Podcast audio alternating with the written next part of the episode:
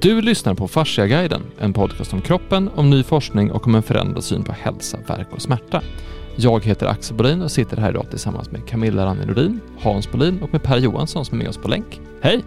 Hej! Hej, hej! Eh, Vi håller ju ofta fascia workshop. Och när vi håller fascia workshop är det ett sätt att ge en introduktion till vad fascia är för någonting. Och då får vi oftast den frågan, ja men jag vill lära mig vad fascia är för någonting. Och då börjar vi alltid säga så här, vänta ett tag nu, vi ska först bara prata om, om det här. För vi börjar alltid med att prata om hur ny forskning förändrar synen på verk och smärta.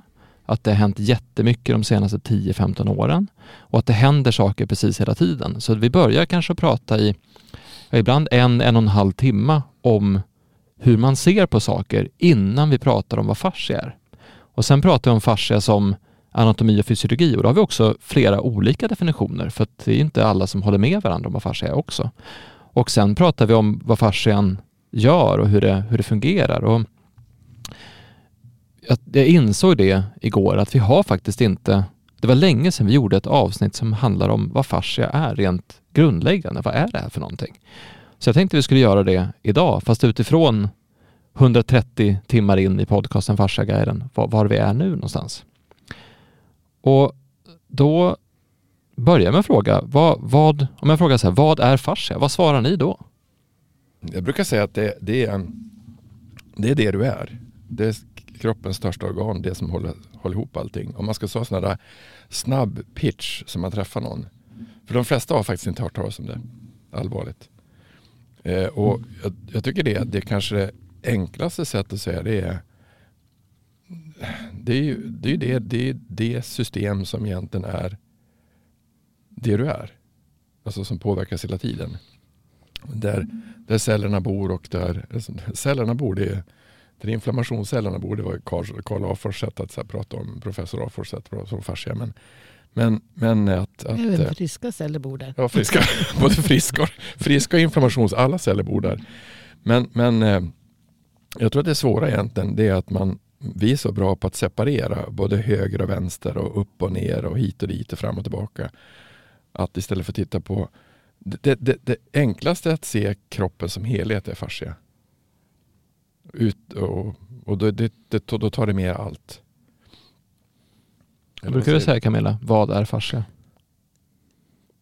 Ja, det har ju varierat genom åren, tänkte jag säga. För du måste ju ändå få, få frågan då och då. Ja.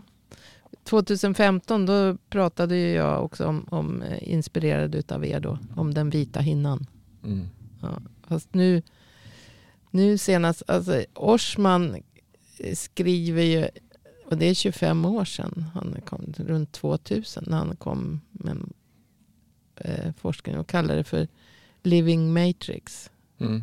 Men, men och han menar, han, han pratar ju om fascia fast han säger inte fascia. Men det som håller ihop men inte bara håller, alltså som kontrollerar hela kroppen, som kommunicerar med hela kroppen.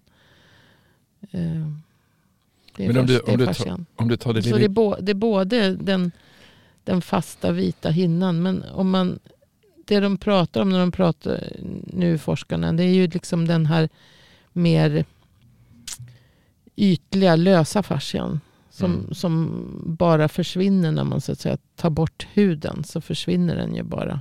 Och man ser inte den här lösa fascian. Mm. Som är liksom full med, med tunna, tunna kollagenfibertrådar. Men, men som är, har så sto, otroligt stor betydelse just för kommunikationen i kroppen. Då.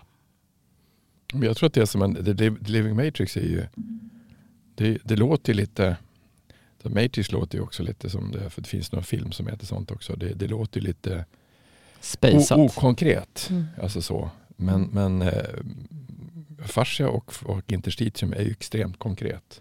Det är ju fast, det är fast och det är något som går att ta på. Fast På allting går ju inte att ta på. Nej det gör det ju inte men det skulle man... det, det skulle, det skulle, det är väl det som är det. Det går ju verkligen skulle- inte att ta nej det på. gör ju inte det men det skulle kunna göra det.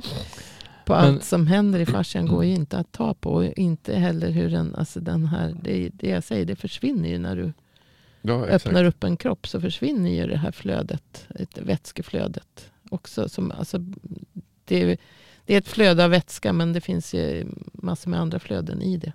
Mm. Och det försvinner ju. Så Mm. det går inte att ta på. Nej, det gör det inte. Alla de här flödena går inte att ta på.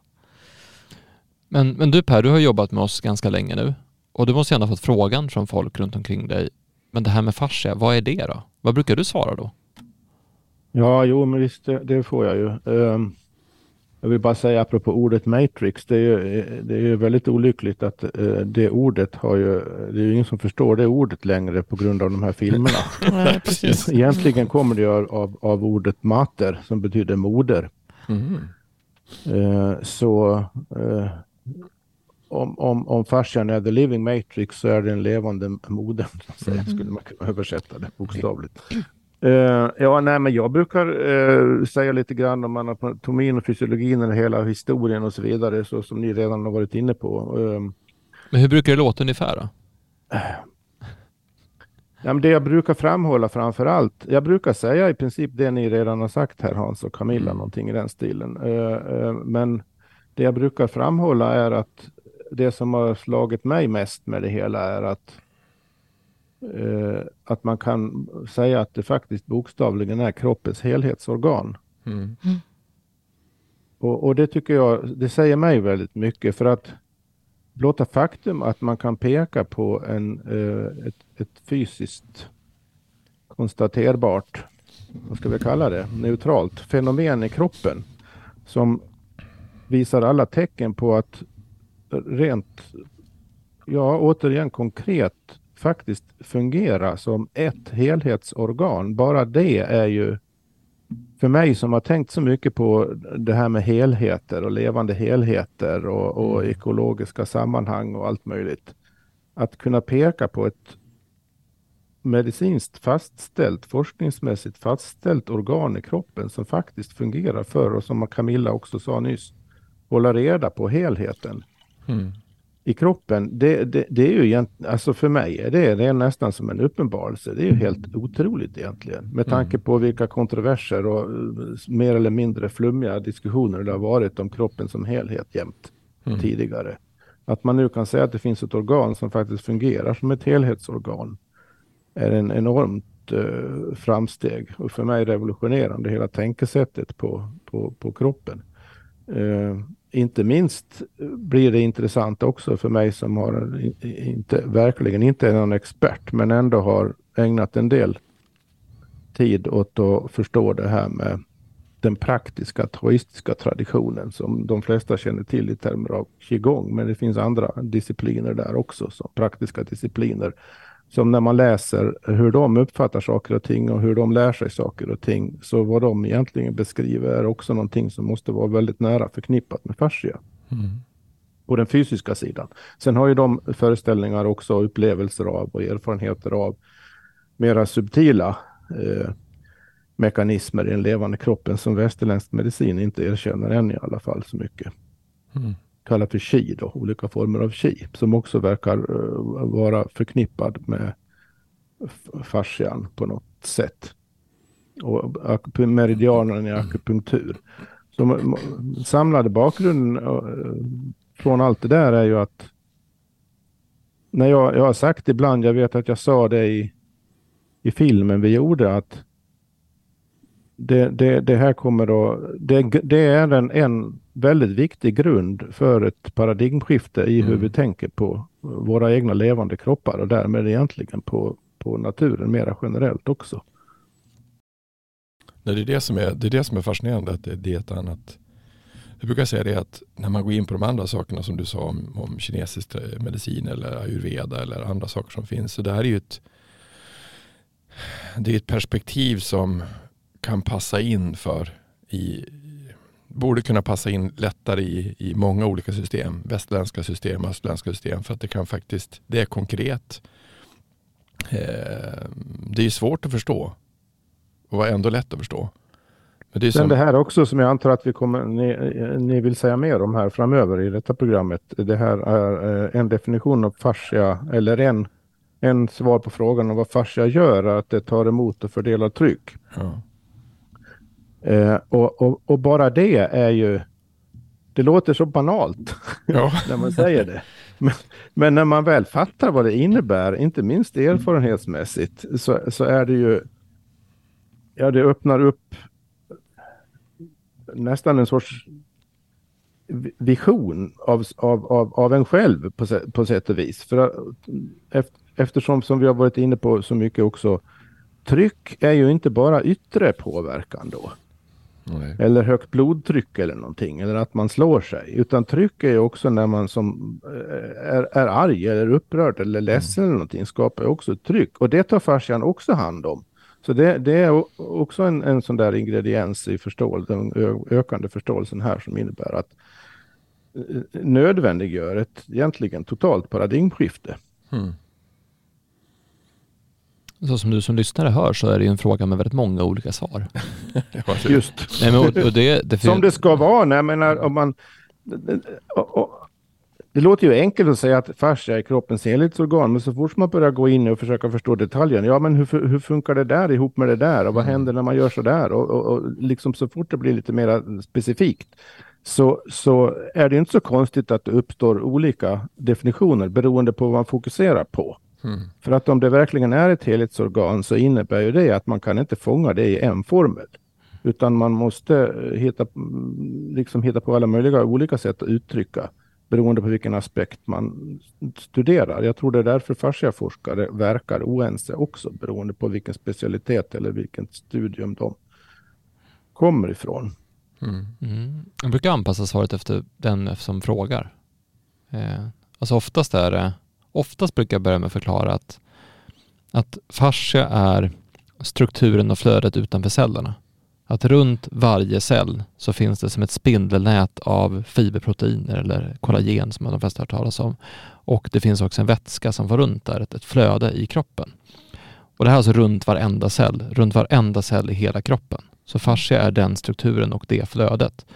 Och när man börjar studera det så har man upptäckt att kroppen faktiskt hänger ihop. Man kan inte separera det längre för att ett, flödet sitter ihop överallt och trådarna sitter ihop med varandra så plötsligt kan man inte se på kroppen som olika delar. Och därför är fascia både en Fascia är också en möjlighet att se saker på ett annat sätt, men det är också ett problem för att det inte går att se saker på samma sätt utifrån det perspektivet. Så att, mm. och då, är det igen, då börjar med att förklara vad fascia är rent, rent faktiskt, men så fort du förklarar vad det är för någonting så förstår du att det är också ett annat sätt att se på saker. Mm. Därför måste ja, man se på säga något sätt. i filosofiska termer här nu då, så, eh, så har, har hela, eh, så växlar ju det man behöver få sagt och det som problemen som uppstår växlar mellan två olika filosofiska perspektiv, väldigt fundamentala. Man brukar tala om ontologi och epistemologi och det låter ju svårt och, och krångligt. Men ontologi är alltså de föreställningar man har om vad som finns. Mm. Så man, svaret på alla frågor om vad är, till exempel vad är fascia? Det, det, är, det är en ontologisk fråga eftersom det är en fråga om vad som, vad som finns och hur ser det ut och hur kan man upptäcka det eller hur kan man, vad är det liksom? Mm. Sen epistemologi har med kunskap att göra då, hur man, vad, vad som är kunskapsgrunden. Så när man, när man all, allting, så, alla, all studie av fascia som innebär att man, vare sig de praktiska eller, eller mer naturvetenskapliga handlar ju då om, om vad man kan liksom upptäcka och erfara. Alltså själva saken handlar ju det om. Det är ontologi mm. då. Så då, och då är det, är det vissa frågor och, och, som är intressanta och vissa saker som behöver diskuteras. Det, det, vi, det, det vi, vi, menar när vi säger, eller jag i alla fall menar att när jag säger att det, det, förut, det kräver ett paradigmskifte, det är då epistemologin, kunskapen i sammanhanget. För att vad man upptäcker då i förhållande till man, vad man så att säga börjar veta ontologiskt om fascia, vad fascia är, innebär att man inser att det sätt att närma sig, eh, att skapa, mm, skapa kunskap om någonting när det gäller kroppen har eh, fungerar inte längre så bra om det är fascian man fokuserar på. Och så, så att de där hänger ju ihop såklart. Det är två sidor av, av, av samma fascia kan mm. man säga. Men, men, men ibland kan det vara klargörande att skilja på om man pratar om, som fokus i det här programmet då enligt titeln, vad är fascia? Mm. Pratar om vad, just vad det är och mindre om de kunskapsteoretiska utmaningarna i sammanhanget. Vad säger du Det Camilla? blir ju lite som fascians anatomi och fascians fysiologi. Hur då tänker du? Hur då tänker jag? Nej men fascians anatom anatomi, om man pratar om vad är fascia rent anatomiskt. Ja, det är ett kollagennätverk eh, som har ett, eh, alltså kollagenfibrer och all, and, även andra proteinfibrer då, som håller ihop ett, ett flöde och flödet är fullt av, av eh, olika eh, ja, proteoglykaner och glukosaminoglykaner, hyaluronsyra och sånt bland annat. Så det är lite mer hur det är uppbyggt.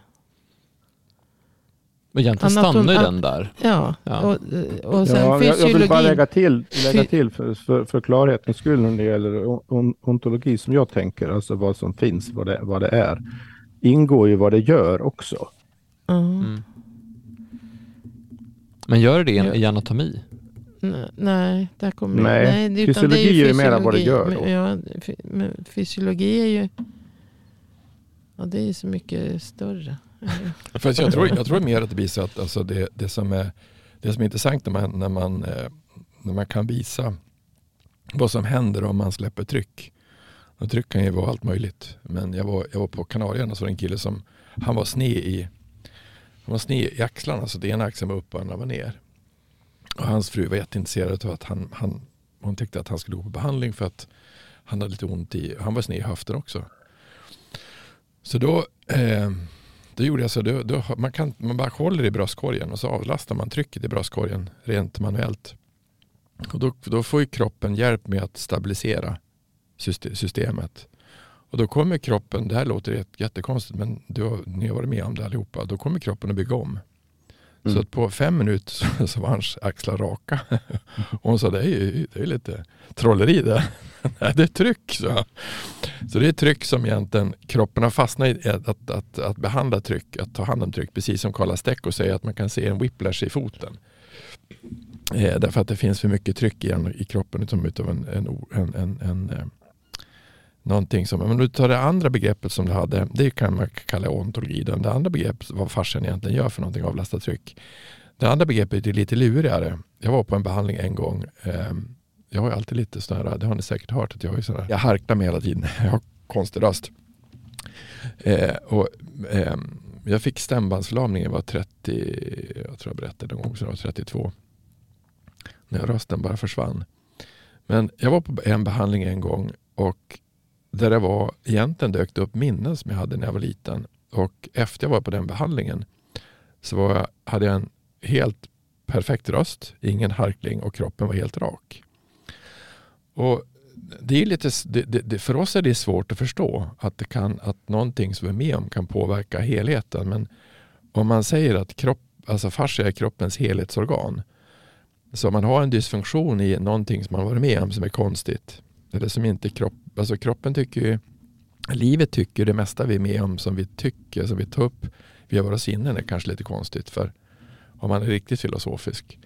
Eh, så fastnar man i någonting så kan det bli, det kan ju bli en, en, en, en, en låsning i kroppen.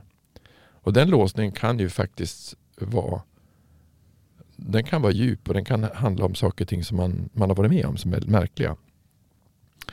Eh, och då, då får du en annan förklaring på vad fascia är för någonting som är mera svårare att den kan vara svår att begripa för, för en del. Alltså om, om vi säger att om, om en orsak till att jag har haft ont i, i 20 år är att jag har haft mycket stress och jag har gjort någonting som är konstigt. Och så sen så ser man det. Och så ser man att eh, sluta med det där. Då är egentligen orsaken till varför man har ont är borta. Men det kan vara svårt att acceptera att kan det vara så enkelt? Att, att, att jag bara ska vara, släppa allting och bara leva.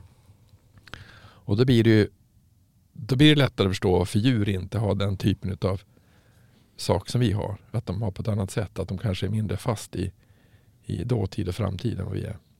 Jag tror apropå det du sa nu Hans, jag, som, jag, som jag sa innan, egentligen kan man inte radikalt skilja mellan det jag filosofiskt kallar för ontologi och epistemologi här nu då, för att vad, vad man har blivit övertygad om är rätt kunskap om någonting påverkar ju vad man ser. Så, alltså Mm. det vill säga det som är, så att säga, det som synes vara. Så att de, de hänger ju väldigt nära ihop och det är intressanta. Men det du säger det där att, att människor har efter en behandling svårt att förstå. Ja, men hur, hur, det är just svårt att förstå de har. Ja. Vad, hur, hur kommer det sig att, att det här som verkar vara ett sånt svårartat problem som jag inte begriper Mm. och som jag har haft i si och så många år. Hur, hur kan det bara försvinna på tio minuter? Mm. Eh, eh, och, det finns ingen liksom sätt att tänka i vår kultur egentligen som gör det möjligt att, att, att, att, svara, på den, svara på den frågan. Och blir, folk blir ju helt konsternerade. Så att eh, det är verkligen Nej, men det, det, det, det är det som gör det hela fascia grejen så himla in, intressant. Va? Att, att, den, fastän det handlar om till synes vardagliga saker som att man har ont någonstans på ett plan. Så i och med att behandlingen fungerar så snabbt ibland, eller ofta till och med, Mm. så, så utmanar den hela föreställningen om verkligheten. Ja, och, det, och jag tror att vi har, vi har en lyssnare som är i Det är väl Mex- otroligt fantastiskt. Ja, vi har en lyssnare som är i Mexiko och eh, hon är svenska och eh, hon, eh, hon, hon tycker det är jättefascinerande för att i Mexiko där har man ju också, det är ju katolskt men sen är det också mycket, det är uppblandat. Och det är mycket mera, det är ganska intressant, men jag har inte studerat Mexiko, men hon berättar hur man gör, hur man ser på saker och ting och hur man kan bota folk på ett helt annat sätt än vad man gör i Sverige. I Sverige. Och det här är, det här är 2023, gör man det fortfarande. Och det, alltså, skulle vi berätta vad de gör för något skulle vi tycka de var helt tokiga. Men det kan ju vara ett annat sätt att naturfolk eller andra kulturer, inte naturfolk, andra kulturer kan ha kvar annat sätt att se på kroppen som inte vi har. Det kanske man kan ha i, ja, det är inte, inte bara, inte bara i, det kanske man har i Östeuropa och Västeuropa, alltså olika sätt att se på saker också. Men, men eh, det, det är intressant som han sa, Neil Thies, på att eh, när han var i, i han, alltså han är en forskare då, han menar att det här kan verkligen vara ett sätt som gör att vi kan börja se på saker på ett helt annat sätt. Alltså vi slutar prata om väst och öst. Vi slutar Utan vi prata behöver- om vi behöver- en, ja. en kropp. Visst, att det är det samma är sak med olika metaforer. Nej men för det, det brukar jag också svara ibland på frågan vad är fascia? Ja, fascia är som du säger ett sätt att utmana hela vår verklighetsbild. Det kan fascia vara. Men sen så, jag brukar i alla fall säga att ibland att fascia är ett sätt för oss att förstå kroppen som levande. Eller kroppen Mm. som ett flöde. Eller att förstå vatten på ett annat sätt. Och då kan man använda två stycken sätt att förstärka det här på. Dels att säga att ja, men, vår kroppsuppfattning kommer från studiet av döda kroppar. Vi har dissekerat kroppar, vi har plockat isär saker och vi försökt förstå det på det sättet, förenklat. Då.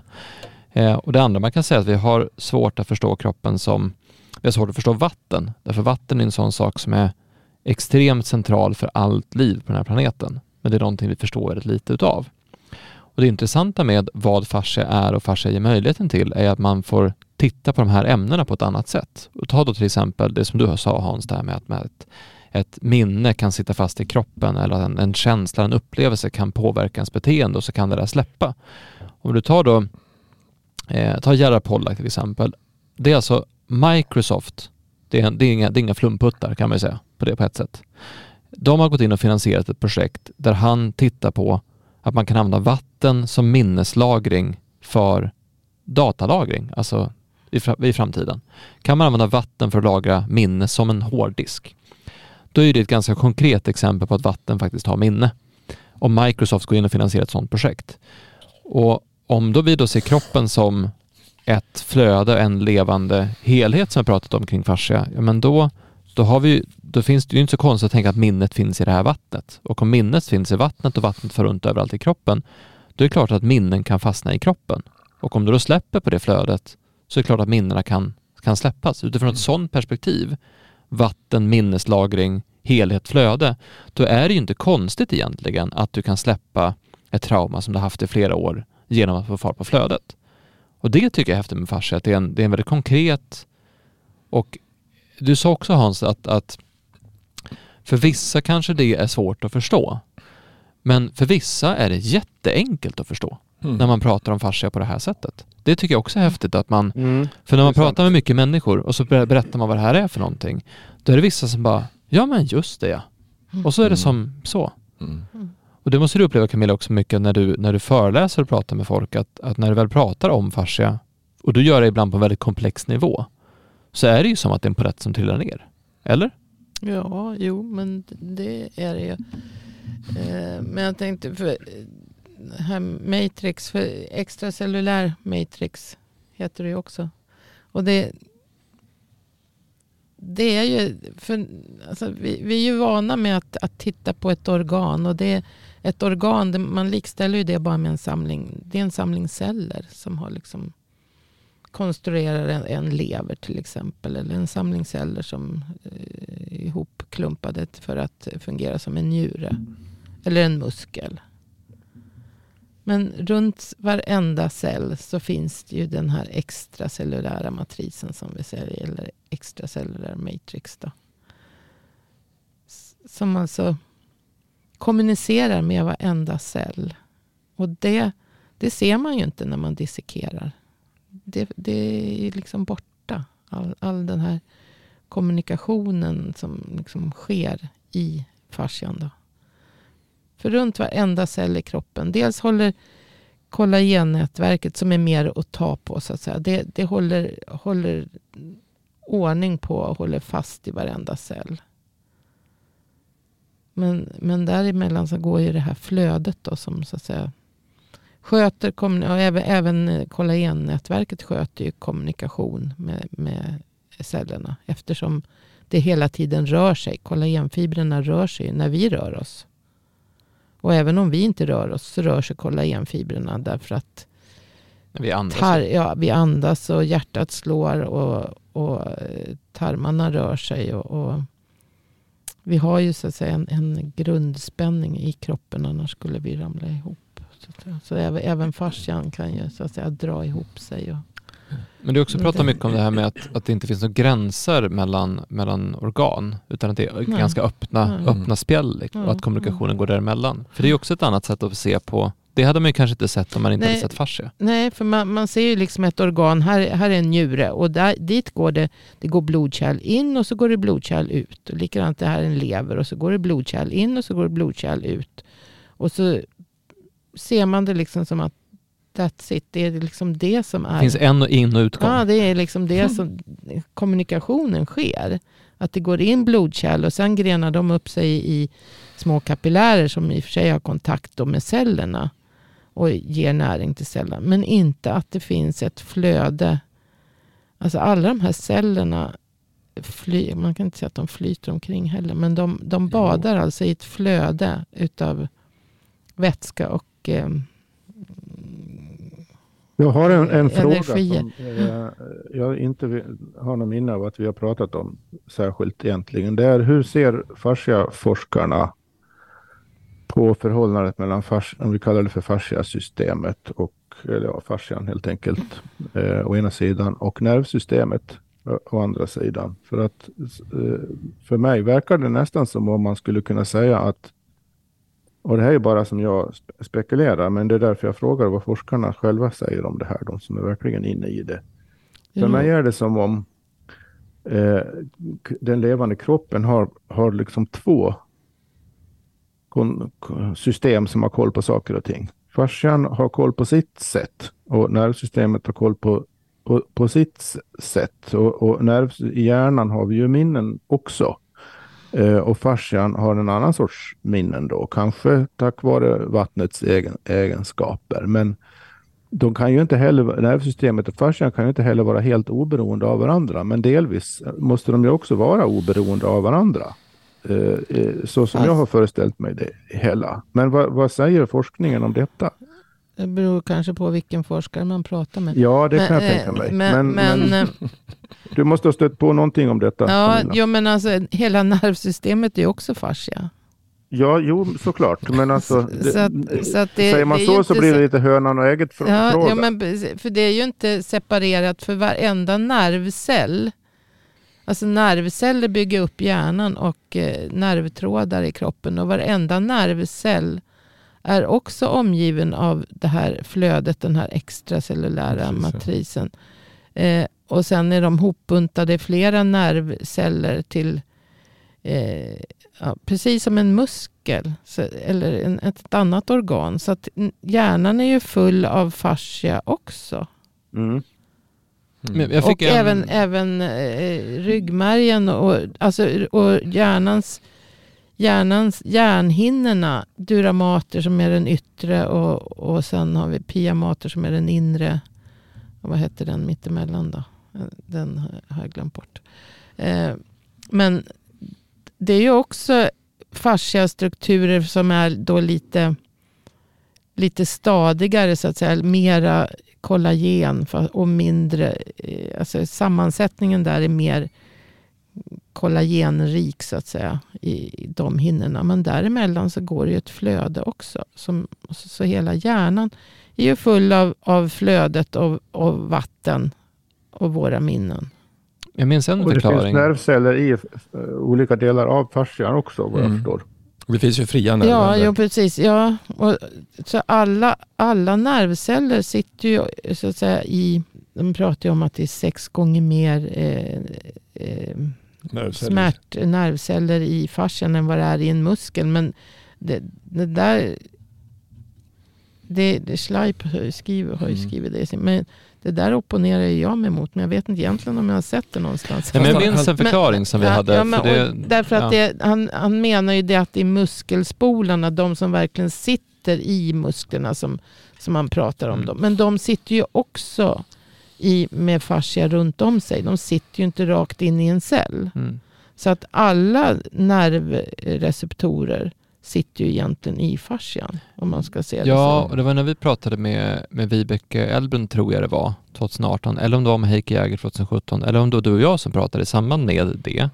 Så, eh, för det, det återigen tror jag man fastnar lite grann på anatomin här. För det, för det, Mm, ja, för om man ja. tittar på istället, eh, om man tittar på signalen, för det var då vi sa att, att eh, alla minns säkert bilden av en synaps från, eller de, många kanske minns bilden av en synaps, en nervcell från eh, eh, högstadiebiologin. Men då, då är det som en, det är liksom en, en, en cirkel och så är det som en sval svans på den. Och då var det någon som visade att, att kommunikationen snarare är så att, att impulsen, den elektriska signalen, hoppar mellan eh, plupp, alltså punkterna och inte går genom kanalen. Utan kanalen är Mm. där ifall det är stopp i flödet. Så att när, om flödet flödar på runt, runt och fritt och fram och tillbaka och allt är bra, då använder man flödet för att skicka laddningarna, skicka signalerna mellan kroppen. Men om flödet inte är optimalt, ja, då går det istället mellan i själva synapsen, i själva tråden. Så att nervsystemet i det här fallet, ur den vinkeln, skulle snarare vara som en, en, en bakdörr eller en, en failsafe eller en, en kanal som alltid är öppen ifall de andra kanalerna inte funkar som de ska. Med att många signaler, och vissa signaler går säkert via nervsystemet, alltså i, i de skidorna, men många hoppar runt istället mellan synapserna och använder sig då av, av flödet och fasciastrukturen för att kommunicera snabbare. Det minns Ja, jag vi pratade om. ja, på min fråga förväntade jag mig ju inget sånt där klart svar. det Här, är det. Eh, eh, och, men det- i sig är ju då ett tecken på eh, eh, allt det ni har sagt nu är ju i sig ett tecken på hur fascia-forskningen utmanar konventionella tänkesätt även Mm. när det gäller hur nervsystemet fungerar som helhet. Då. Mm. Så tolkar jag det ni säger. Men jag tror att, jag tror att, ja, Ja, nej. fortsätter. Jag vet inte riktigt vad jag ska säga. Men, nej, men... Jag vet Fast jag tänkte, alltså, så här då, jag tänkte ju specifikt på just minne. Mm. För att om, om, om min, minnen sätter sig i kroppen i form av tr- tryck, alltså att man har ont på grund av ett minne i form av att ha ont i princip. Kan man säga så? Mm. Det är ungefär det du säger, ja, så som jag hör dig. Mm. Det, det, Du, då är det ju ett, ett så att säga tryckminne, eller ska kalla det Ja. brist på bättre just nu då. Medan att, i, i, i hjärnan så finns, är det en annan sorts lagrade minnen. ja, det finns ju samma sak där. Du kan, ju- du kan ju ha tryck i hjärnan också. Så på samma sätt. Alltså över, då, då kommer det via nacken och, och andra, så- alltså hela nervsystemet. Ja, men jag tänker på specifika minnen nu. Man har varit med om någonting. Man minns det på olika- två sätt så att säga. Det, Mm. Säg att det är något mer, mer traumatiskt. Så kroppen minns det på, e- på ena sättet som eh, i form av eh, ett permanent tryck som ger smärta någonstans. Och så minns man det på andra sättet som om man, om man minns det medvetet. Man kanske inte minns det medvetet, men säg att man minns det medvetet så, så är det ju förmodligen i, i hjärnan Ja, lagrat ja. någonstans. Mm. Så enligt, åtminstone enligt konventionellt sätt att tänka. Mm. Fast jag tror ju så. Alltså jag tror att alltså, Orsman är inne på en sak. Det var han, jag tror den första som vi tittade som James Orsman. Han, är ju, han håller ju skrivit en bok som heter Energy Medicine. Visst är det så? Mm. Att Mm. egentligen allting är energi istället för frekvenser. Och det är ett annat perspektiv som finns, kan rymmas i fascian men som är väldigt svårt att ta in i traditionell, traditionell anatomi eller fysiologi. Eh, och det var ju det som han egentligen menade att allting är en levande matris och, och kanske eh, precis som man pratar om att alltså, egentligen har vi ju, vi ju vi är levande frekvenser och levande energi. Och energi är ju elektricitet som vi känner det. Eh, Ja, med det perspektivet blir ju hela den här molekylära och det blir, cellulära approachen i sig Problematisk. eh, måste eh, hamna i ett helt annat ljus. Men jag tror att det svåra egentligen, alltså jag, jag skrev till, det svåra egentligen, det, det, det första egentligen som är svårt att berätta om, jag skrev till, till eh, en som är chef för svenska skidlandslaget att det skulle vara intressant för alltså bara, bara det här med tryck. Vi säger att du faller och slår i en, i en när du faller, alltså, men det går ju att ta bort. Det går bra med. Men att, att förstå, att egentligen så ser vi nog kroppen mer som en personbil, att man får krockskador och så, och så händer någonting. Men alltså det är inte, vi har, vi, deformationszonen som finns i en kropp är inte, det är, det är inte, det är inte plåten och inte skelettet, det är ju hela kroppen som är deformationszon. Och föraren. Och, fa- och faran som ser att de, Och det trafiken än- runt omkring. Då blir det ännu mer filosofiskt. Men om man ser det mer som om den deformationszonen som finns är hela kroppen samtidigt. Och om man då, om man då ehm, det som är lite lurigt i det här är att om man då är med om någonting som jag hade, det var en kvinna som jag behandlade nu som hade haft ont i 20 år. Och problemet var inte att hon hade sökt vad det var ont i men problemet var egentligen mer inne i henne än utanför. För det hon hade gjort, hon hade stressat nog i så i fruktansvärt mycket så det var inte sant. Och hon hade försökt bli av med låsningen som var fast i, i som satt i bröstkorgen och i en axel. Och när hon släppte trycket som fanns i hennes kropp att hon inte räckte till. Alltså som hon hade haft jättelänge. Då knakade det till. Då, Mm. ändå ändrade sig, då åkte, skulder, då åkte skulderbladet ner och så åkte, släppte det i bröstkorgen. Och det hade hon försökt att manipulera, till kiropraktor och ta bort. Och det gick inte. Därför att om det sitter fast så djupt i kroppen, alltså i strukturer som jag duger inte som jag är och jag räcker inte till som jag är. Tänk hur många som tänker sånt. Och det är ganska jobbigt inuti kroppen. Att det finns hela tiden nya celler, men vi räcker inte till, vi räcker inte till, vi räcker till, vi duger inte som vi är. Till slut blir det nästan som en mardröm för alla celler som lever där inne. Vad har hon hittat på? Vad, vad är det för någonting? Så jag tror att det svåra egentligen, det som du sa Per, det, det, är svår, det är svårt att förstå rent eh, fysiologiskt vad som händer i, med, med, med ett fasciaperspektiv. Det är ännu svårare att förstå hur vissa saker som vi är med om kan påverka. Jag tror jag kom på en, en, en förklaring här som skulle kunna funka. Jaha. Får jag testa den? Ja. Så att, Mm. om du tänker så här, jag tror att vi har svårt att förstå eh, rörligt, föränderligt och sammankopplat. Men om du tänker dig att, att eh, tänk att fascia är som en stor stad. Eller kroppen är som en stor stad.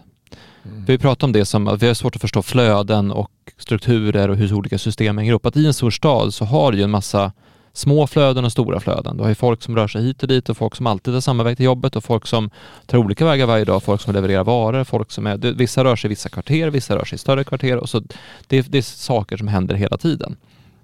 Jag tror vi är lite, vi är lite besatta av att prata om var något är. Men om du tar eh, jag Axel, var i staden är jag? Ja, det beror helt på vilken tid på dygnet det är. Och helt på vilken veckodag det är och vilken årstid det är.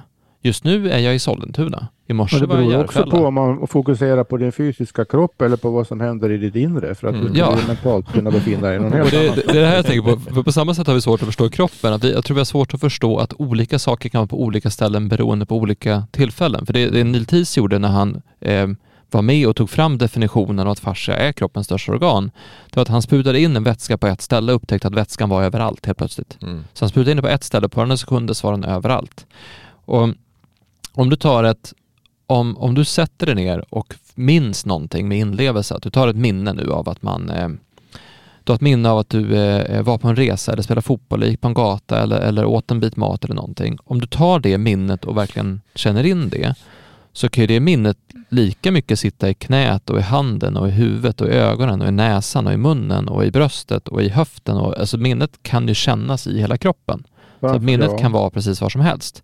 Men så att, så att en typ av minnen som är mer eh, flödande, de kan ju vara överallt. Men en typ av minne att du har fastnat någonstans, då kan det vara som att du är i den här staden och du är liksom, du har utegångsförbud så du är bara i ditt hus. Mm. Och då kan det vara så att det här minnet eh, av eh, att jag blev illa behandlad som barn till exempel, den sitter fast i knät och den kommer inte från knät. Minnet vill vara överallt, men det är fast i knät. Och vi pratade också någon gång tidigare om att när man förändrar sitt sätt att förhålla sig till saker, för att vissa har ju varit med om stora trauman och är liksom fast i det. Vissa har i stora trauman och har hittat en väg ut i det och nästan bär traumat som en, som en erfarenhet och en styrka och en visdom och en lärdom. Och för dem kanske det traumat nu har lämnat knät och ut och far runt i hela kroppen, att de kan se det på, på ett annat sätt. Alltså det, jag tror att det blir en annan sätt, sätt att förstå. För det, fascia blir ju ett sätt att, att utmana hur vi förstår medvetande, minne, vad Ja, är här- kort minne, ja, vad är är långt bra. minne? För att det innebär ju att frågan jag ställde, eh, apropå minne, fascia och nervsystem, Mm. den, eh, frågan kan inte besvaras i de termerna helt enkelt. Nej, fast jag, min erfarenhet är att de mesta utav saker som finns I den uppdelningen menar de, jag. de mesta saker som finns, det finns i, eh, i, eh, alltså i ryggraden. Alltså i bäckenet, eller i ländryggen, eller bröstryggen, nacken eller i huvudet. Så det finns inte, alltså, jag har aldrig hittat något Men- sånt där. Men det kanske gör det också. Men Ja men om det är fast, om det är fast sitter det nog fast- på någon sån plats. Ja, f- men när det inte är fast så kan det nog vara överallt. jag, tror, jag tror inte att kroppen, ja, ja, jag, jag, jag, jag tror att det, jag tror att det är jätte, alltså, se, det blir, jag tror att kroppen egentligen bara vill vara med med en sak. Här och nu. Och Alltså det händer så mycket saker. Så att här och nu är, det är så stort ändå. Allt man kan bara vara närvarande. Jag, jag tror att det vi kommer ifrån att vara, vi kommer ifrån att otroligt fokusera på här och nu som vi är som barn. Och sen tappar vi kontakten med här och nu. Och så blir vi röriga. Och, och det finns ju här och nu och, och hit och dit och så dåtid. Och dåtid tycker kroppen är så tråkigt så det finns inte. Alltså det, har, det har ingenting med någonting att göra överhuvudtaget. För det är ju, det är ju, Ja, men ta som exempel då. Om jag, jag minns, eh, det kommer jag på kompisar. Jag minns att jag har cyklat över Golden Gate Bridge i San Francisco. Okej? Eh, och om jag, om jag lever mig in i det minnet och verkligen minns det, då är det ju, då måste jag vara där med hela min kropp. För att jag använde ju hela min kropp när jag var där. Ja. Jag kände ju vinden, på min, den kom från, från höger sida på mina armar. Eh, jag hade solen som stod uppe till vänster, så jag var på vänster öga. Jag hade själva cykeln, Mm. jag hade min bror bakom mig. Jag hade, alltså det, det, det blir ju, det minnet blir helkroppsligt. Mm. Därför att, och då, då så här, var sitter minnet? Ja men hela min kropp var ju med om det, så hela min kropp minns ju det. Sen om jag aktiverar minnet genom, genom hjärnan eller om jag har en, en liten vattenhårddisk någonstans där Mm. just det här minnet ligger och sen lyfter jag fram den och plockar ut den. Det vet jag inte, men jag vet att det minnet är i hela kroppen. Men däremot så vet jag att, att när man har behandlat någon eller har hört om någon som har behandlat någon och så har det suttit fast i, i då kanske har suttit fast ett minne i foten eller Mm. i knät eller i höften och då är det fast. Då är det inte vid hela kroppen utan då har det som samlats på ett ställe. Så det kanske är Jag så negativa jag, att- laddningar. jag tror jag kan använda det som man använder mental träning. Du kan träna kroppen att vara var som helst. De har visat på att, jag tror de har visat på 70 80-talet att de hade de som skulle springa 110, 100 meter fort. Och så sprang de så att musklerna reagerar på när de, sitter in, när de bara sitter och mediterar att de springer. Det är samma sak. Så vi har, vi har svårt, kroppen har svårt att skilja på här och nu och då och där och då. Eh, så därför, alltså mental träning, det är att, alltså, jag har ju spelat golftävlingar, man kan ju bli jätterädd för att man ska göra någonting som är jättekonstigt. Alltså, var- varför, varför är jag rädd att spela golf nu? Varför är jag rädd att misslyckas? Det är jättekonstigt. Alltså, hur kan, hur kan, allt ni säger nu tyder ju för mig på att eh, eh, om, om man pratar om någon sorts eh, orsaksriktning här så går det från den mentala sfären eller den inre sfären till, till den kropp, fysiska kroppsliga sfä- sfären egentligen. Det är ju likadant när man drömmer så, så, så man drömmer, vare sig det är behagligt eller obehagligt, man vaknar mitt i en dröm så eh, kan man ju vara alldeles svettig för att det var ju förbaskat jobbigt det där. Som, som, man, som man drömde. Kroppen verkar ju inte bry sig ett skvatt om Nej, nej, nej. huruvida den reagerar på en dröm eller, eller på den så kallade vardagsverkligheten. Den, den gör ingen skillnad på det överhuvudtaget. För mig tyder ju det på, på att eh, så att säga sinnet kommer före det sinnliga om man säger så. Men var inte, var det inte det de gjorde med filmen kom från början? De sprang, de, det var ett tåg, de trodde tåget skulle raka in i biografen. Ja, jo. De vart ju livrädda. Precis, de har inte lärt sig. Nej. Visst, det tog film. Jag har faktiskt sett det klipp på det, det ganska kul. De De- de- de- det var nog inte någon intellektuell brist utan det var liksom en spontan kroppslig reaktion. Ja. Som att kroppen hade liksom inte lärt sig Det kom att ett tåg. På, på det. Så där, när, när filmen kom så hade man en film om ett tåg och tåget åkte rakt emot kameran Ja. och de som satt i publiken i bion De reste sprang och sprang. ut. ut. Mm. Så det var, eh, nej men, och tillbaka till då, vad är fascia? Så för mig är fascia så intressant just för att fascia är fascia är beviset på att sakerna hänger ihop. Jag brukar ta det som Mm. exempel med stress, eller som jag pratat om nu, att, att tankar, känslor, intryck, uttryck, dåtid, nutid, framtid, allt vi är med om, drömmar, eh, fysiska påverkningar, allt det här påverkar vår fysiska kropp. Mm. Och då finns det ingen separation längre mellan, det har aldrig funnits, men, men det finns ingen separation mellan, mellan det inre och det yttre, mellan tankar och känslor i kroppen och mellan Mm. de här sakerna. Vi måste se allting som en enda, en enda helhet. Och, och inte som en enda helhet, oj vad svårt och stort det blev, utan som en enda helhet, det här går faktiskt att göra. Alltså det går Mm. konkret att förstå saker på det sättet utifrån ett sådant perspektiv. Mm. Vad säger du Camilla? Ja, ja. Nej, nej men jag, ja, jag vet inte vad jag säger. Men jag bara tänkte på allt det här med vad som händer i livet och, och stressen. Men för kortisolet påverkar ju, alltså, sen vad som påverkar att kortisolet ökar. Men, men så fort det händer någonting så påverkas ju våra kortisolhalter. Och kortisol har ju, ju visat att det, det påverkar ju fascian.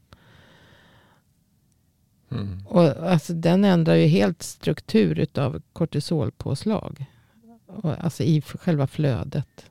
Det, och sen så eh, finns det ju de här... Det sker väl ganska direkt, va? Ja, det sker. Och sen myofibroblasterna som direkt börjar eh, dra ihop sig. Så att det bildas fler myofibroblaster och de drar ihop sig. Och långvarig stress, det har ju Schleip visat just att de mätte ju thoracolumbarfascian och att den, den så att säga drar ihop sig och tjocknar och, och blir mindre elastisk. Utav, så det är därför man stressade eller deprimerade personer. Alltså så när det är långvarig stress. Allting handlar ju om kortisolnivåer. Mm. det, det, och så, långvarig stress gör att man, man blir mer hopdragen så att säga, och, och lite hopsjunken. Och, och jag sa ju förut att man, man får sämre sving i armarna när man går. Och man, går man, man går mer kuvad. Och då hade de ju bara det att man så att säga sträcker upp folk kan ju få flödet att fungera bättre och helt plötsligt så, så blir man så att säga sjunker kortisolnivån utav.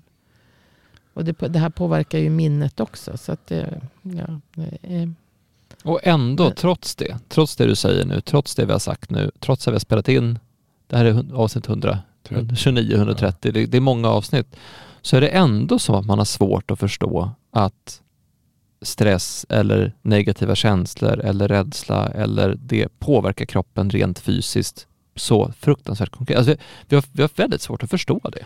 det kom, de, de sa ju på nyheterna igår just eh, om man inte trivdes på jobbet så Ja, vad var de sa? Mådde man inte så bra eller?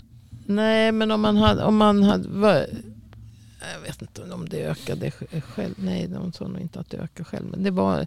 Jag tyckte bara att, att det, det var väl helt självklart. För att det var någonting med att om man, om man hade det otryggt på jobbet så ja, typ mådde man sämre. Ja men det kan nog stämma, Ja. för det, det har vi Ja. pratat om också, att, att Och det sa de igår på att det var någon, någon Mm. ny forskning från, från Karolinska. otryggheten har Ja. ökat och därför mår man Ja. sämre. Mm. Ja, men alltså, det är väl inte... Alltså, är man otrygg så är man ju jättestressad. Ja, Allt, precis. allting... Med, alltså, då har man ju höga kortisolnivåer. Och det, ja, de här höga kortisolnivåerna, det, det är som jag sa bara för något avsnitt sen när vi pratade om det här med psykisk ohälsa. Och just att, att eh, behandling Mm. sänker ju kortisolnivåerna. Det har man ju visat. Alltså att, att någon slags behandling, Fysisk behandling. fysisk behandling, alltså eh, eh, massage eller kraniosakral terapi eller så, det gör att kortisolnivåerna sjunker. Mm. Vi hade ju, och vi hade, då, då mår man ju i all- alla fall tillfälligt bättre så att säga. Och om man då kunde... det finns ju något som heter det, sustainability Då- eller hållbarhet. Då, ja, då släpper ju så att säga det här, eller då kommer ju flödet igång i fascian. Och för att det är fortfarande, alltså ökar man, om flödet stannar upp, alltså när kortisolnivåerna ökar så kommer ju flödet att tjockna så att säga på, på något sätt, någonstans. Och sätter man, blir det då stopp i flödet så ja, då blir det ju ett hö, höjt tryck. Och det, Mm. det, då kommer ju inte saker och ting dit det ska. Kommunikationen går inte fram. Det kanske går andra vägar. Jag tänker fortfarande på min damm och min bäck. Liksom. Om jag tjockar ihop det, att det samlas en massa löv. Därför att det ligger en sten i vägen. Och så samlas det där lite, lite löv och pinnar och sånt. Och så blir det bara eh, typ ett ännu sämre flöde just där. Så måste allting bara rinna runt då blir det ju liksom en, en stor anhopning med, med pinnar och avskräde som inte kommer någon vart. Och där sipprar det väldigt litet flöde men det går väldigt långsamt och det, det händer liksom inte så mycket. Och där blir det fast. Och det, Mm. det är ju samma sak i fascian, att någonstans så blir det fast för att det, det har tjocknat. Och det här Mm. kan man ju, tar jag bort de där pinnarna och löven, ja då sätter ju flödet igång där igen. Mm. Om jag tar en kratta och rensar upp det där. Så att säga. Vi hade, vi träffade en, en, Per, vi träffade en, en dam för, eh, eller det var några som, som, det finns ju något som heter hållbarhet nu, sustainability som är ett sånt här honnörsord som finns inom, Folkhälsostrateg var hon. ja hon var folkhälsostrateg i en kommun. Och då var de ute och letade efter hur de skulle kunna få, alltså hur ska man göra det som kom på en fascia workshop som vi hade. Eh, och det är rätt intressant därför att det som du säger i filmen att, att man måste eh, man måste bara titta i andra perspektiv Eh, för, att få, för att göra andra saker. Och eh, då berättade jag för henne att man, alltså egentligen så att, utbilda folk i vad en kropp är för någonting eller människor som jobbar på en arbetsplats eller som du säger så här, hur påverkar långvarig stress oss? Um, hur, har, vi, har vi ett hållbart ledarskap? Alltså, är, vi, är vi schysst med folk? Det är jätteviktigt om man ska hålla människor friska. Uh, och, och jag tycker det, det, det, det är intressant att det kommer den typen av frågor. Hur, hur, hur får vi de som jobbar hos oss att må bättre? För att det, det kostar pengar att ha dem sjuka. Och sen är det så, har vi en arbetsmiljö som finns eller ett, ett sätt att, att, att leda bolaget och organisationen på som är hållbart, alltså rent ledarskapsmässigt. Ja, men vi, vi, satt, vi satt nyss och gjorde en, en, eh, en kurs för alla nyanställda på fasciaklinikerna. Ja. Hur de ska liksom komma in sina första 30 dagar på jobbet. Och en anledning är ju att, att när man kommer ny till en arbetsplats så kan det vara ganska jobbigt. Det kan vara mycket nytt och mycket förändringar, mycket hit och Mm. dit och lite osäkerhet och sådär. Så då har vi gjort en så här, men exakt det här gör du första 30 dagarna så du kommer in i kulturen och jobbet, du lär dig rätt saker i rätt tid och du kan egentligen bara slappna av och vara där och så får du allting serverat på ett sätt. Mm. Ehm, och då, då tittar vi på så här, vad, vad, är, vad, är viktigt, vad är viktigt för oss att mäta hos personalen? Och egentligen var det bara tre saker. Det ena var, tror du på det vi gör? Alltså följer du visionen? Förstår du de här enkla spelreglerna som vi har för hur vi beter oss, hur vi är, vad vi gör, hur vi ser på kunder, hur, vad, vad, vad hela poängen är med allting vi håller på med. Det är nummer ett. Och så nummer två, gör du det som du och din arbetsgivare har sagt, kommit överens om att du ska göra? Har du gjort ditt den här Mm. veckan? För att vi ska nå gemensamma mål. Och nummer tre, hur mår du? Mm. Alltså har du allting du behöver för att må bra? Har du allting du behöver för att veta att du gör ett bra jobb? Och så tittar jag just på det avsnittet som handlar om det så var det eh, det du behöver ha, din personliga målsättning att du ska må så bra som möjligt. Ha, har du, vad behöver du för att må bra? Ja, du behöver fråga, eller du behöver säga så här, vad behöver jag för att må bra? För det är Mm. olika. Jag kanske behöver eh, det här, du kanske behöver det där. Vissa behöver tydlighet, vissa behöver frihet, vissa behöver flexibilitet, vissa Mm. behöver det och det. Jaha. Eh, och så sa vi, hur kan dina kollegor hjälpa dig att må bra? Och det, bara där har du skapat en snabb kultur. Alltså hur, Mm. hur jag gör det enkelt för mig att, att be om hjälp, jag gör det enkelt för mig att berätta för folk hur jag mår, hur jag tar hand om mig själv. Och det är en sån jag tror vi har tappat bort de här självklara sakerna. Alltså ta, ta en arbetsplats igen. Alltså tänk om alla, alla chefer på alla arbetsplatser fokuserade på att hur ska jag få ut så mycket som möjligt av Hans eller av Mm. Camilla? Hur, hur gör jag det så att, hur, hur underlättar jag så att det blir så enkelt för Camilla att vara Camilla? Mm. Och att Camilla och sin tur säger så här, hur gör jag det så enkelt som möjligt för min arbetsgivare att hjälpa mig att må så bra? Mm. Hur berättar jag för dem vad jag behöver så att jag ska kunna lyckas på ett bra sätt? Och där tror jag, jag tror vi har tappat bort de här enkla självklara sakerna, Mm. apropå hållbarhet och, och sådär. För det skapar ju otrygghet och stress när vi inte kan vara oss själva.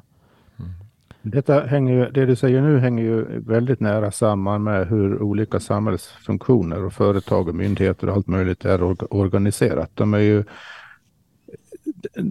allt som är, har blivit så att säga lite större i det moderna samhället fungerar ju enligt eh, eh, någon sorts på ett plan kan man säga att det fungerar efter någon sorts abstrakt informationsbehandlingsprincip, men det fungerar också enligt någon sorts löpande bandprincip. Alltså Mm. informationsbehandling betyder då att det kommer information, in- information i en, ena änden och så är det någon som är ansvarig för att ta hand om den informationen. Och sen när den har gjort det så är det nästa i ledet och så vidare. Det är väldigt nästan löpande band organiserat, även om det inte är uppenbart i alla fall. De flesta arbets, eller många arbetsplatser är ju inget bokstavligt lö, löpande band, men Mm. alltså var, var, varje person, varje jobb, varje jobbfunktion är, är just en funktion i ett, i ett system som är ganska abstrakt organiserat.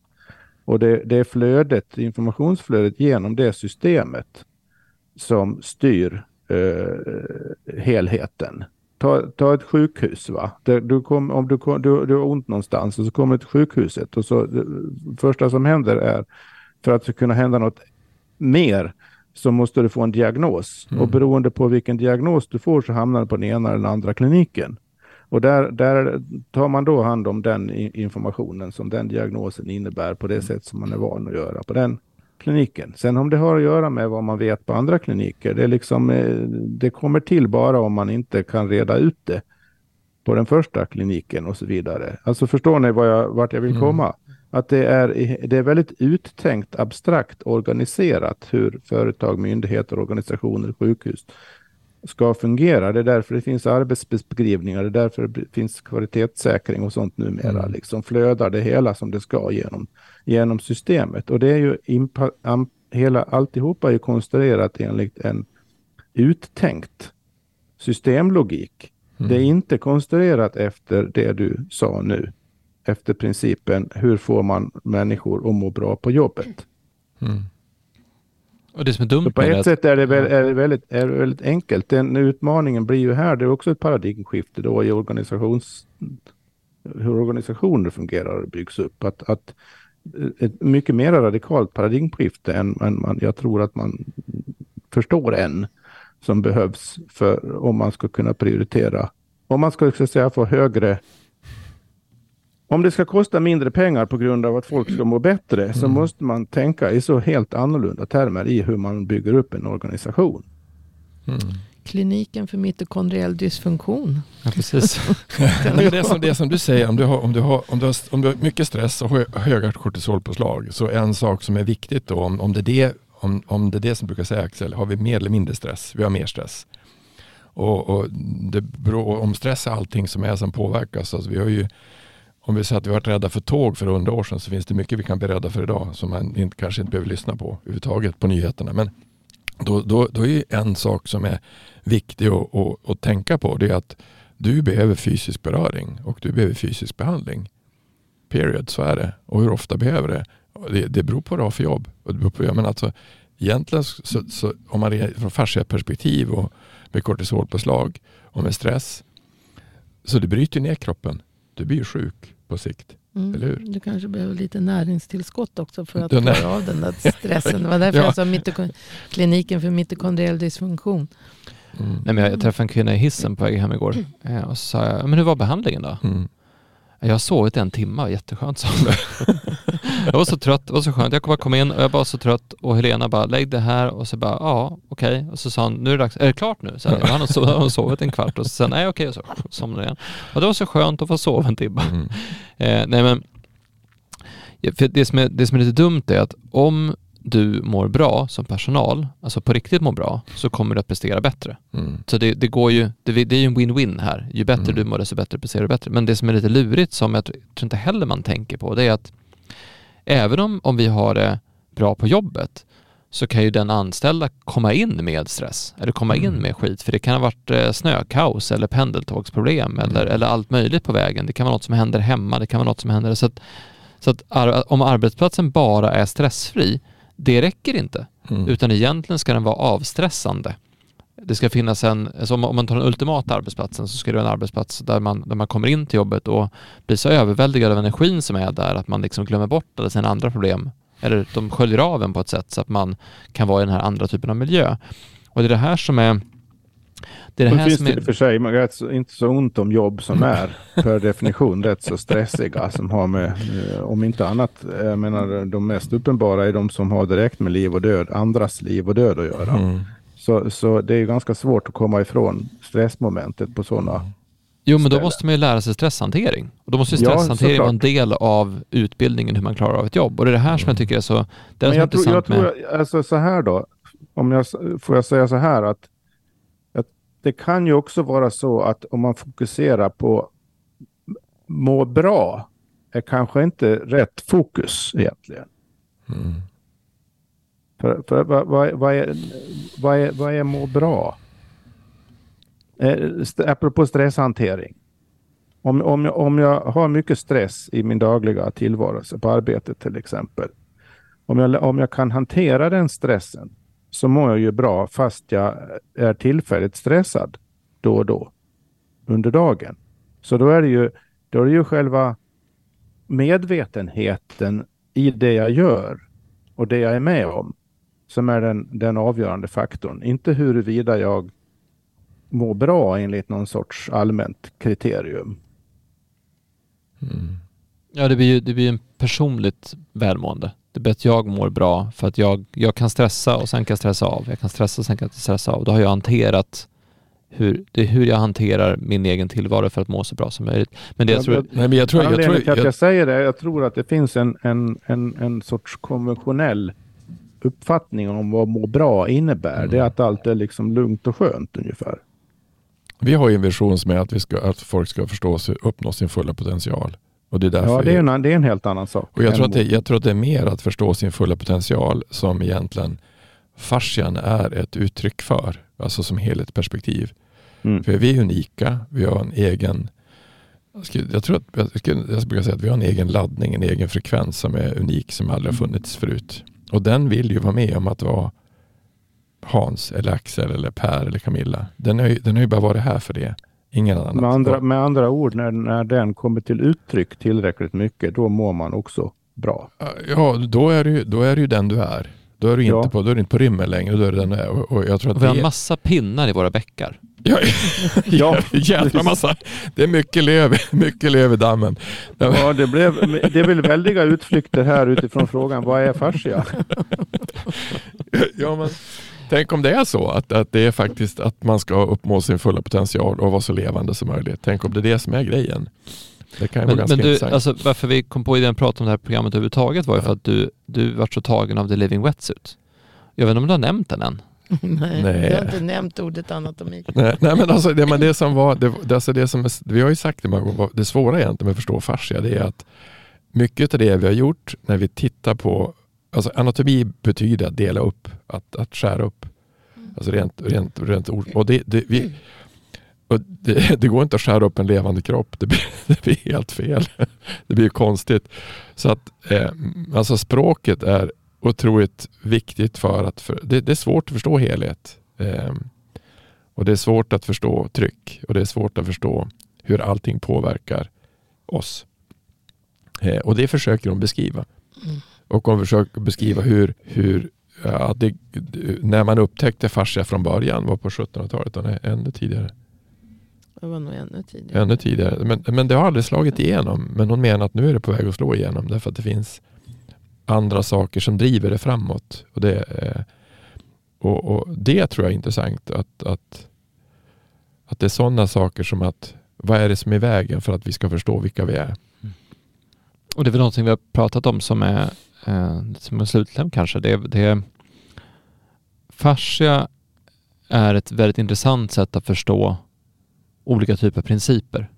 Mm. För att om du tar en sån eh, princip som liv eller levande, eller att vara levande eller, eller att eh, eh, princip som flöde. Så att det vi har ju sagt det gång på gång, det häftiga med att förstå fascia och den levande varelsen är att ju mer flöde du har desto bättre blir det. Mm. Och du, ju, mer, ju mer du lever, alltså ju mer eh, närvarande du är, ju mer energi du har, ju mer, ju mer du är i stunden, ju mer du, ju mer du är i ett ögonblick, desto mer levande blir du, desto bättre mår du. Så det liksom hänger ihop i kroppen, vilket är väldigt häftigt. För det var, vi pratade lite grann om det här förut också, om vad det faktiskt innebär att må bra på riktigt. Och där tror jag att vi har vi har en begränsad bild av vad välmående egentligen är. För att det är inte bara att, Mm, att inte ha ont. Det är inte bara att, att eh, em, orka sig igenom livet, utan det kan ju vara en annan kvalitet i det. Det kan vara Mm. kvaliteten att, att kunna sitta på, eh, på golvet i obekväma positioner och vara 100% närvarande med en tvååring. Eller Mm. att eh, gå ut på promenader och känna ett svung i steget. Eller att sitta på i varje möte och vara där till 100%. Eller att det, det finns ju, alltså närvaronivån eller energinivån, man, man känner ju när man är med eller inte. Men Man det var det att- jag menar med medvetenhet är det Mm. fundamentala här Mm. egentligen. Att man äh, känner av vad man, vad man är med om när man är med om det. Mm. Och det är både fysiskt och psykiskt. För att när du gör Just. någonting trevligt så stärker det kroppen och när kroppen är stark så stärker det förmågan att göra någonting på det sättet också. Så det, inte, det finns ingen separation här utan det är alltid bara den här uppåtgående spiralen. Ja, och så sen att man, man, vi, vi är här för att göra det som, är, som vi är här för att göra. Jag tror, en kompis jag pratade med, det var en, en kille som heter Johan Olof Voss, en sån här eh, skridskoåkare. Han var grym på raksträckor, skitdålig på kurvor. Och så började han träna kurvor. Han vart sämre och sämre och sämre. Så, tränade, vi tränar raksträckor istället. det du är bra på. Så vart han världsmästare igen. Så man ska göra, man ska ju träna det man, är- man ska göra det man, det man är här för att göra. Inte det man är här för att inte göra. Eh, och för det är någon annan som ska göra. Eh, och det är också ett sätt att se på, på, på fascia och kroppen. Vad, vad, vad, ska vi göra? Vi ska här för att göra för det som, är, det som känns bra. Det som gör att vi blir bättre. Det finns någon som tycker om att läsa forskning. Ja, så ja, ja, det, ja jag vet. Camilla gör det. ja. Mm.